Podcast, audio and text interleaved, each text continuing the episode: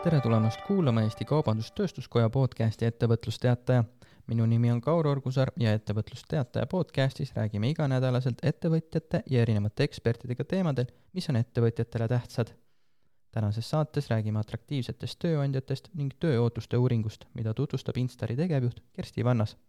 tööootuste uuring toimus sellel aastal juba üheteistkümnendat korda ning see viidi läbi kolme tuhande kaheksasaja kõrgkooli tudengi, tuhande viiesaja kutsekooli õpilase ja kaheksasaja viiekümne kogenud töötaja hulgas. saatest kuuled, et kuidas on muutunud Covidi valguses inimeste ootused tööandjatele, millised on Eesti tööjõu järelkasvu ja kogenud töötajate ootuste erinevused, millised on töökoha valikukriteeriumid ja saad teada Eesti selleaastased eelistatumad tööandjad.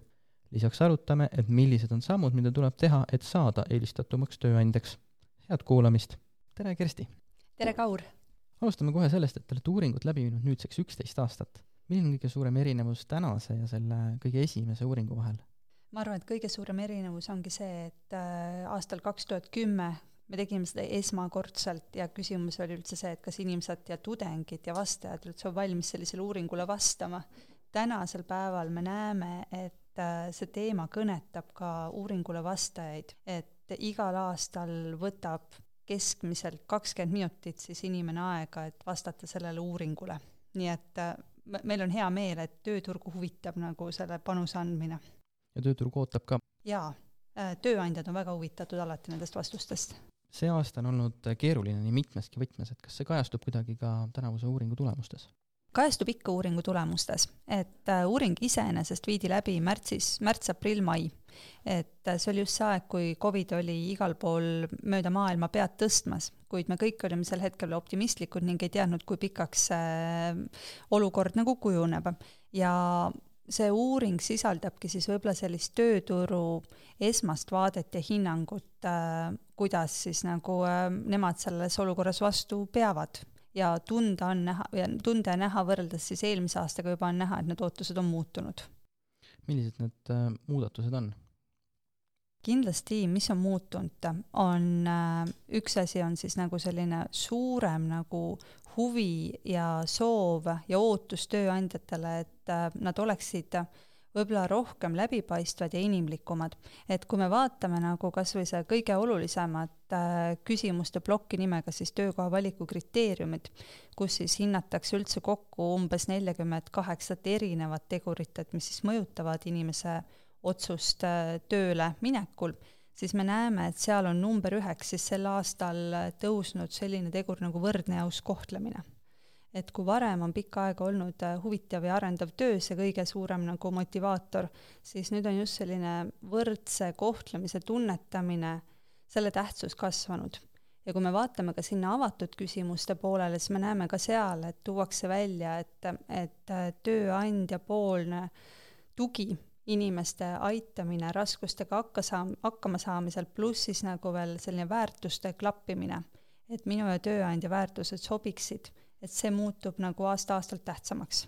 kas uuringus ilmnenud suuremad muutused oleksid toimunud ka ilma viiruse mõjuta? Ma arvan, kindlasti viirus mingil määral forsseeris nagu neid äh, pehmete väärtuste veelgi olulisemaks muutumist, sest sellest on ju tegelikult pikka aega räägitud, et oleme head tööandjad, samuti on oluline, et meie väärtused äh, klapiksid inimeste väärtustega, oleme rääkinud sellest, et on oluline olla ühiskondlikult vastutustundlik, on oluline olla keskkonnateadlik, need teemad on ju lihtsalt tulnud väga teravalt sel aastal nagu lauale et võrreldes eelmiste aastatega neid teemasid vastajad ei ole ka avatud küsimustes nii tugevalt puudutanud.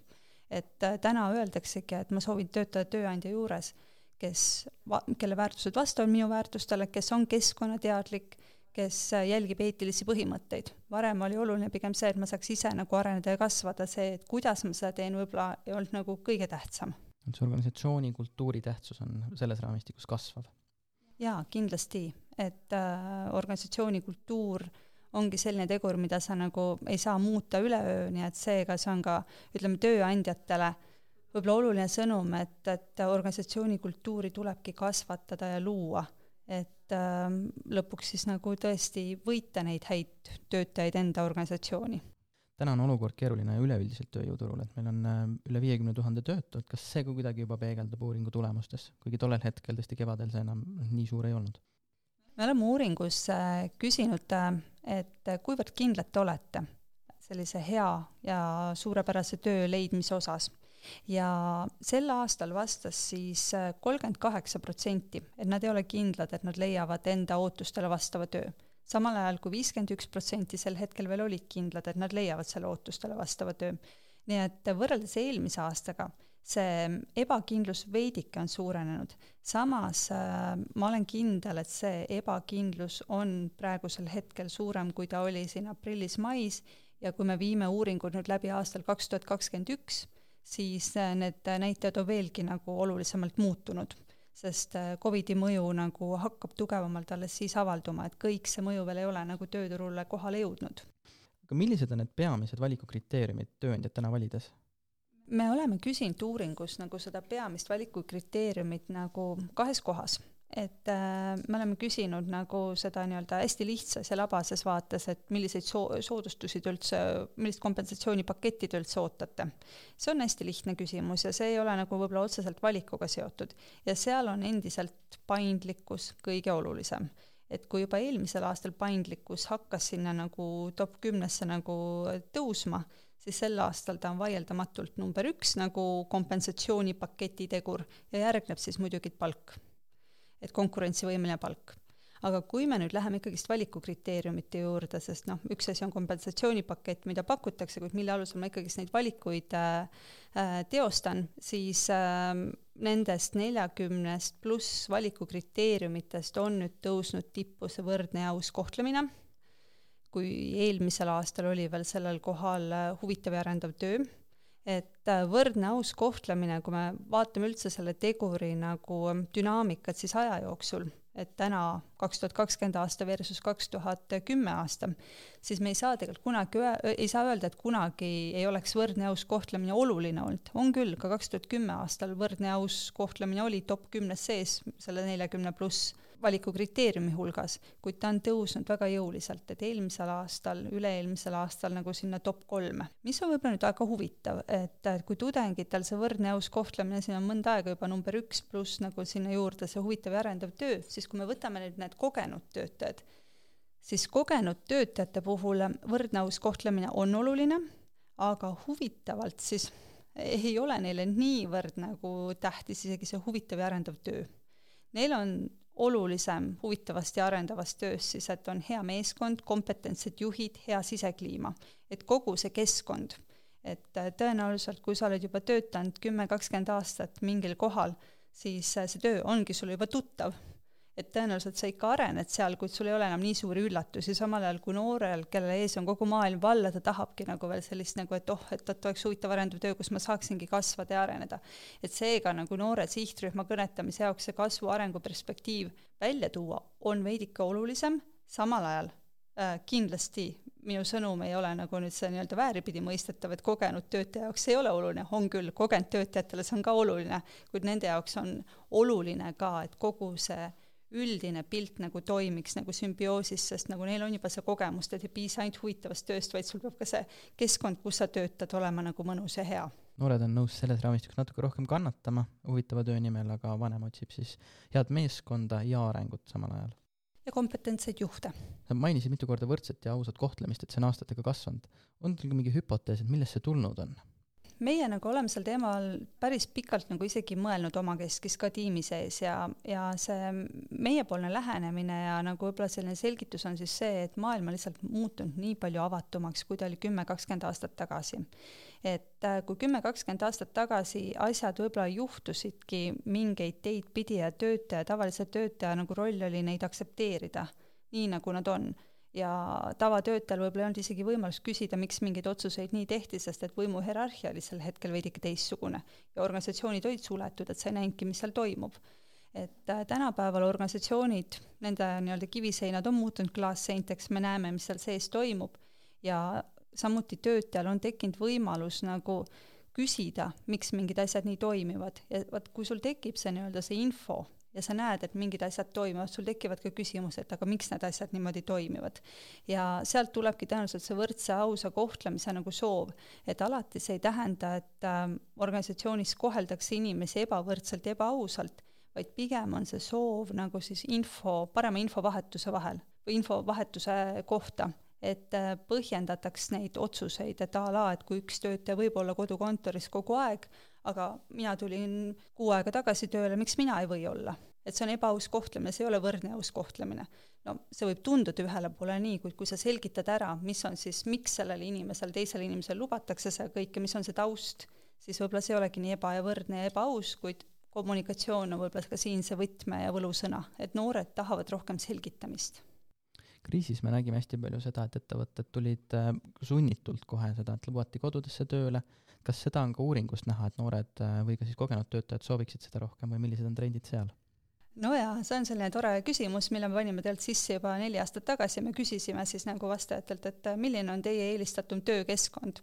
kodukontor või siis privaatne nurgakabinet või siis meeskonnatuba ja noh, mis te ise arvate, oli kõige, arusaadavalt kõige eelistatum see privaatne nurgakabinet, noh nurgakabinetti me sai nimetanud, aga aga jah, see oli kõige populaarsem noorte hulgas võib-olla välja arvatud siis IT-valdkonna noorte hulgas, kes eelistasid meeskonnatuba sel aastal nagu ähm, jah, kõige nagu enim siis nagu eelistati kodus töötamist, mis nagu on taas arusaadav, sest siis oli just see Covidi laine nagu peale hakanud, aga noh, ütleme, populaarsed on ka sellised avatud meeskonnatoad. et see privaatne kontor, seda võib vaadata läbi huumoriprisma, sest noorel tõesti tundub see pigem nagu staatuse sümbolina, et oh, olengi alles ühikast välja saanud, nüüd ma tahaks vähemalt töö juures olla sellises privaatses mõnusas oma kabinetis.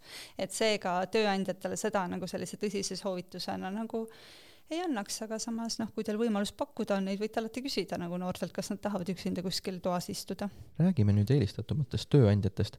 selgita, milline on uuringu taust, valdkonnad ja keda küsitleti? meil nagu tegelikult viidi ju läbi päris mitu uuringut. et äh, me viisime läbi siis Eesti tudengite uuringu, millele siis vastasid, äh, millele sai vastata nii eesti kui inglise keeles. meil toimus siis Eesti kutsekoolide uuring, millele sai vastata eesti ja vene keeles. meil toimus Eesti kogenud töötajate uuring ja lisaks toimus meil veel meditsiinitudengite uuring, uuring, mis siis nagu läheb sinna tudengite uuringute juurde. ja kõigis nendes uuringutes siis me palusime vastajatel siis hinnata erinevaid tööandjaid ja hinnata just sellest aspektist, et kuivõrd huvitava, huvitatud nad oleksid nendes tööandjates töötamisest. sel aastal äh, vastajad said hinnata kõigest kahesaja kahekümne äh, tööandja vahel.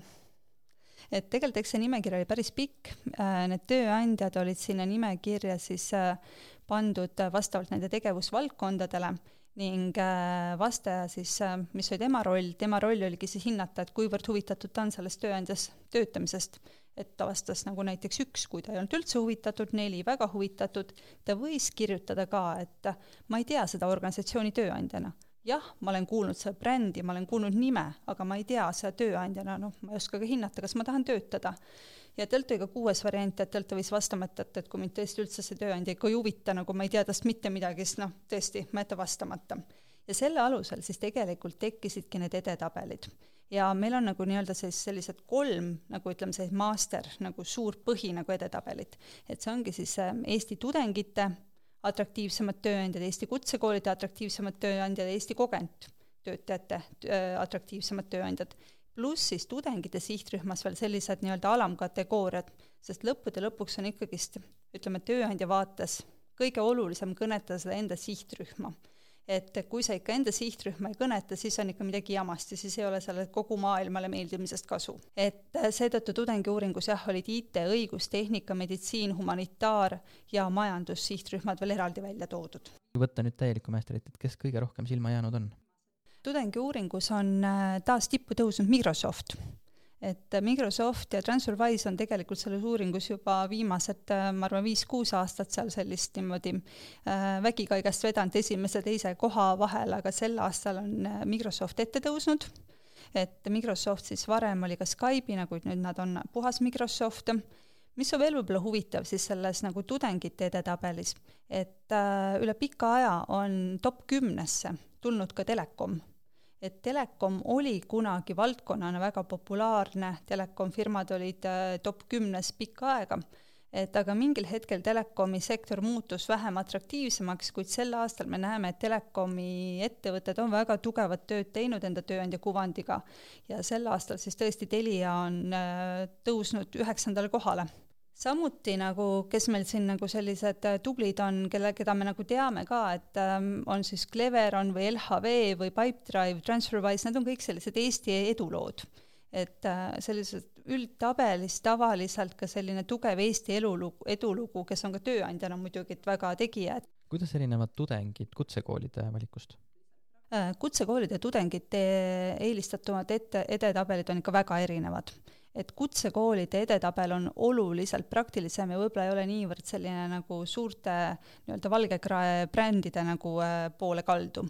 et äh, näiteks kutsekoolide number üks, Apollo Grupp, on nagu igati nagu arusaadav valik, sest nemad pakuvadki, neil on kohvikud, neil on kinod, neil on raamatupoed ja nad tegelikult pakuvad ka tööd just sellele kutsekoolide ja noorte sihtrühmale. teine koht, on Radisson äh, hotell Olümpia või siis seal kolmas Fazer, PPA, Hilton, et ütleme, kogu selline hotelli nagu valdkond, sektor on kutsekoolide hulgas väga popp, tudengite uuringust teda ei ole seal esi kahekümnes või viiekümnes kuskil isegi näha, et äh, see nagu omakorda tõestab ka seda, et tegelikult noored ikkagist vaatavad veidike enda võimetele ikkagist otsa ja enda oskustele, et kõik ei taha töötada ainult, ütleme, Microsoftis ja TransferWise'is, vaid tegelikult, kui ma olen õppinud hotellindust, siis noh, minu jaoks ongi ka hotellindusettevõtted väga atraktiivsed. või kui ma õpingi sisejulgeolekut, siis ma nagu näengi, et PPA nagu, mis on väga suur ja massiivne ja väga suure tähendus, tähendusega organisatsioon Eestis, et siis see ongi see koht et seega siin on väga suur erisus sees. tundub, et nad on teinud ka siis oma sihtgrupile väga head tööd. Jah, sest ma usun, et ega TransferWise'i sihtrühm ei olegi seal kutsekoolides nagu noh, võib-olla osaliselt midagi on, aga mitte sada protsenti. kas ka avalik sektor, PPA küll juba oli, aga, aga teisi avaliku sektori organisatsioone paistab? Äh, paistab ikka, et äh, näiteks paistab äh, väga tugevalt siis tudengiuuringus silma ERR, ehk siis Rahvusringhääling, miks nagu võib-olla ERR siin ees nagu on, on see, et meedia on alati popp ja telekas on popp et kuigi teleka vaatamine, võib-olla vaatlemisnumbrid nagu vähenevad, kuid meil on ikkagist ajus hoopis see telekas olemine selline suur nagu staatus ja tunnustus. et tegelikult on olnud ka siin eelmistel aastatel äh, tudengite edetabelis ka Haridus- ja Teadusministeerium ning samuti ka keskkonnavaldkonna teemad. et sel aastal lihtsalt on nad napilt jäänud sinna natuke nagu top kümnest välja, kui nad on ikkagist vägagi nagu ütleme, tõsiseltvõetavad. et ma tean, et kunagi kui me panime avaliku sektori üldse nagu sellesse uuringusse hinnatavate organisatsioonide nimekirja sisse, see oli, ma arvan, nüüd juba seitse-kaheksa aastat tagasi, me saime nagu šoki, kui me neid tulemusi vaatasime.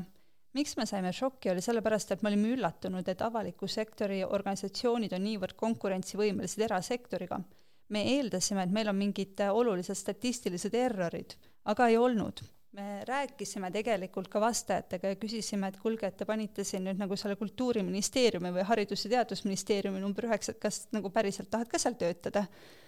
ja noored vastasid, et aga miks mitte, see on ju kindel hea tööandja, ta on ministeerium, ta on riigi tasemel, ta teeb väga olulist tööd, muidugi tahan. et see missioon ikkagi on tähtis on missioon tähtis, et see tähenduslik töö tegelikult tuleb nagu igalt poolt välja, väärtused ja tähenduslik töö ja see on see riigiasutuste pool jälle üks suur nagu ütleme, nende trump. kas nendes toppides on näha ka mingit äh, muutust või ühtset muutust läbi aastate äh,? Tegelikult on küll, et äh, kui me rääkisime praegu üksikutest ettevõtetest, kes siin nagu ees, eespool on, siis äh, tegelikult me võime seda teemat laiendada isegi valdkondade peale et kui me alustasime uuringuga kaks tuhat kümme aastal, siis me nägime, et äh, top kümnes nagu väga palju oli selliseid ütleme, turismi ja lendamisega seotud ettevõtteid Estonian Air oli nagu alati üks nagu eelistatumaid tööandjaid üldse, kuna ma arvan, kõik vastajad lootsid, et nad saavad hakata kohe lendama.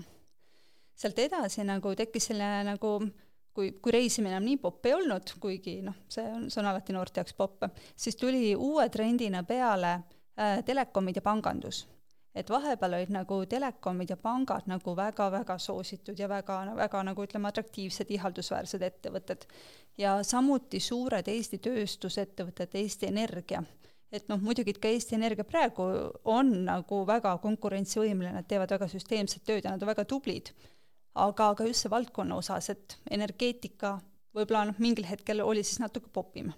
et mida me täna näeme, et kes siis domineerivad seal ikkagist tipus et kui juba enne sai öeldud Microsoft TransferWise ja Pipedrive, siis see nagu juba räägib enda eest, et IT-valdkond on äh, praegusel hetkel võrreldes teiste valdkondadega olulisemalt eelistatumas seisu, seisundis nii et seega nagu organisatsioonid, kes on selles valdkonnas, kindlasti neil on tööturult võib-olla lihtsam leida neid inimesi, kui need organisatsioonid, mis on hoopis sellises valdkonnas, mis ei ole lihtsalt niivõrd ihaldusväärne. et noh, näiteks jaekaubandus või tootmine, et äh, need organisatsioonid lihtsalt, neil ongi keeruline jõuda nagu siin nagu top kümnesse, kuid samal ajal noh, ütleme niimoodi, et, et nad kindlasti tahavad teada ka, et, et kuidas neil läheb, et nende nagu võimalus on siis lihtsalt võrrelda ennast teineteisega. et ongi see benchmark ida, et aga kuidas me oleme võrreldes enda tööturu konkurente ja kuidas meil läheb. kas sa julgeksid ka ennustada, milline on järgmine laine? Noh, eks see ennustamine on alati see tänamatu töö nagu, et äh, aga ma arvan, et selline võib-olla IT ja keskkonna selline sümbioos on see, kuhu poole võib-olla see asi liigub sest need pehmed väärtused ja kogu selline keskkonnateadlikkus, ümbruskonna, ühiskonnateadlikkus, see on järjest kasvamas. ja see muutub nendele järve, järele tulivad, tulevatele põlvkondadele järjest olulisemaks. et ma arvan, et kõik need organisatsioonid, mis sellega tulevikus tegelevad või juba praegu tegelevad, et äh, neil on tõenäoliselt lihtsam mis tähendab seda, et kõik need organisatsioonid, mis jälle selles popis valdkonnas ei ole, peavad rohkem pingutama. sa oled mitu korda maininud, et need ettevõtted, kes seal topis on ja tingimata nad ei pea ka topis ju olema, kes tulevad ja liiguvad ülespoole, näevad selle nimel kõvasti tööd, et milline see töö on, mida tehakse, et, et paista silma siis oma sihtgrupile, võib-olla ka üleüldiselt mm? -hmm. no alati nagu mulle meeldib nagu öelda seda, et nagu ükski asi ei tule nagu lihtsalt või üleöö. Et ka need edetabeli kohad siin tulevad nagu raske töö nii-öelda tulemusena, et ma toon nagu kas või TransferWise'i näite siia nagu, et äh, kui TransferWise kunagi alustas ja tuli siia Eesti turule või üldse hakkas tegutsema, ta ei olnud siin top kümnes kuskil nagu lähedalgi veel, aga oma järjepideva tööga ta on nagu tõusnud sellisele kohale, et ta tõesti viimastel aastatel on siin nagu top viies või top nagu ütleme, esi, esikolmikus nagu koha eest rabelenud. et mida see tähendab, on see, et äh, tööandjad mõtlevad läbi, et äh, milliseid inimesi meil on üldse vaja. sest äh, lihtsalt saada edetabeli koht edetabeli koha pärast, et sellel pole mõtet.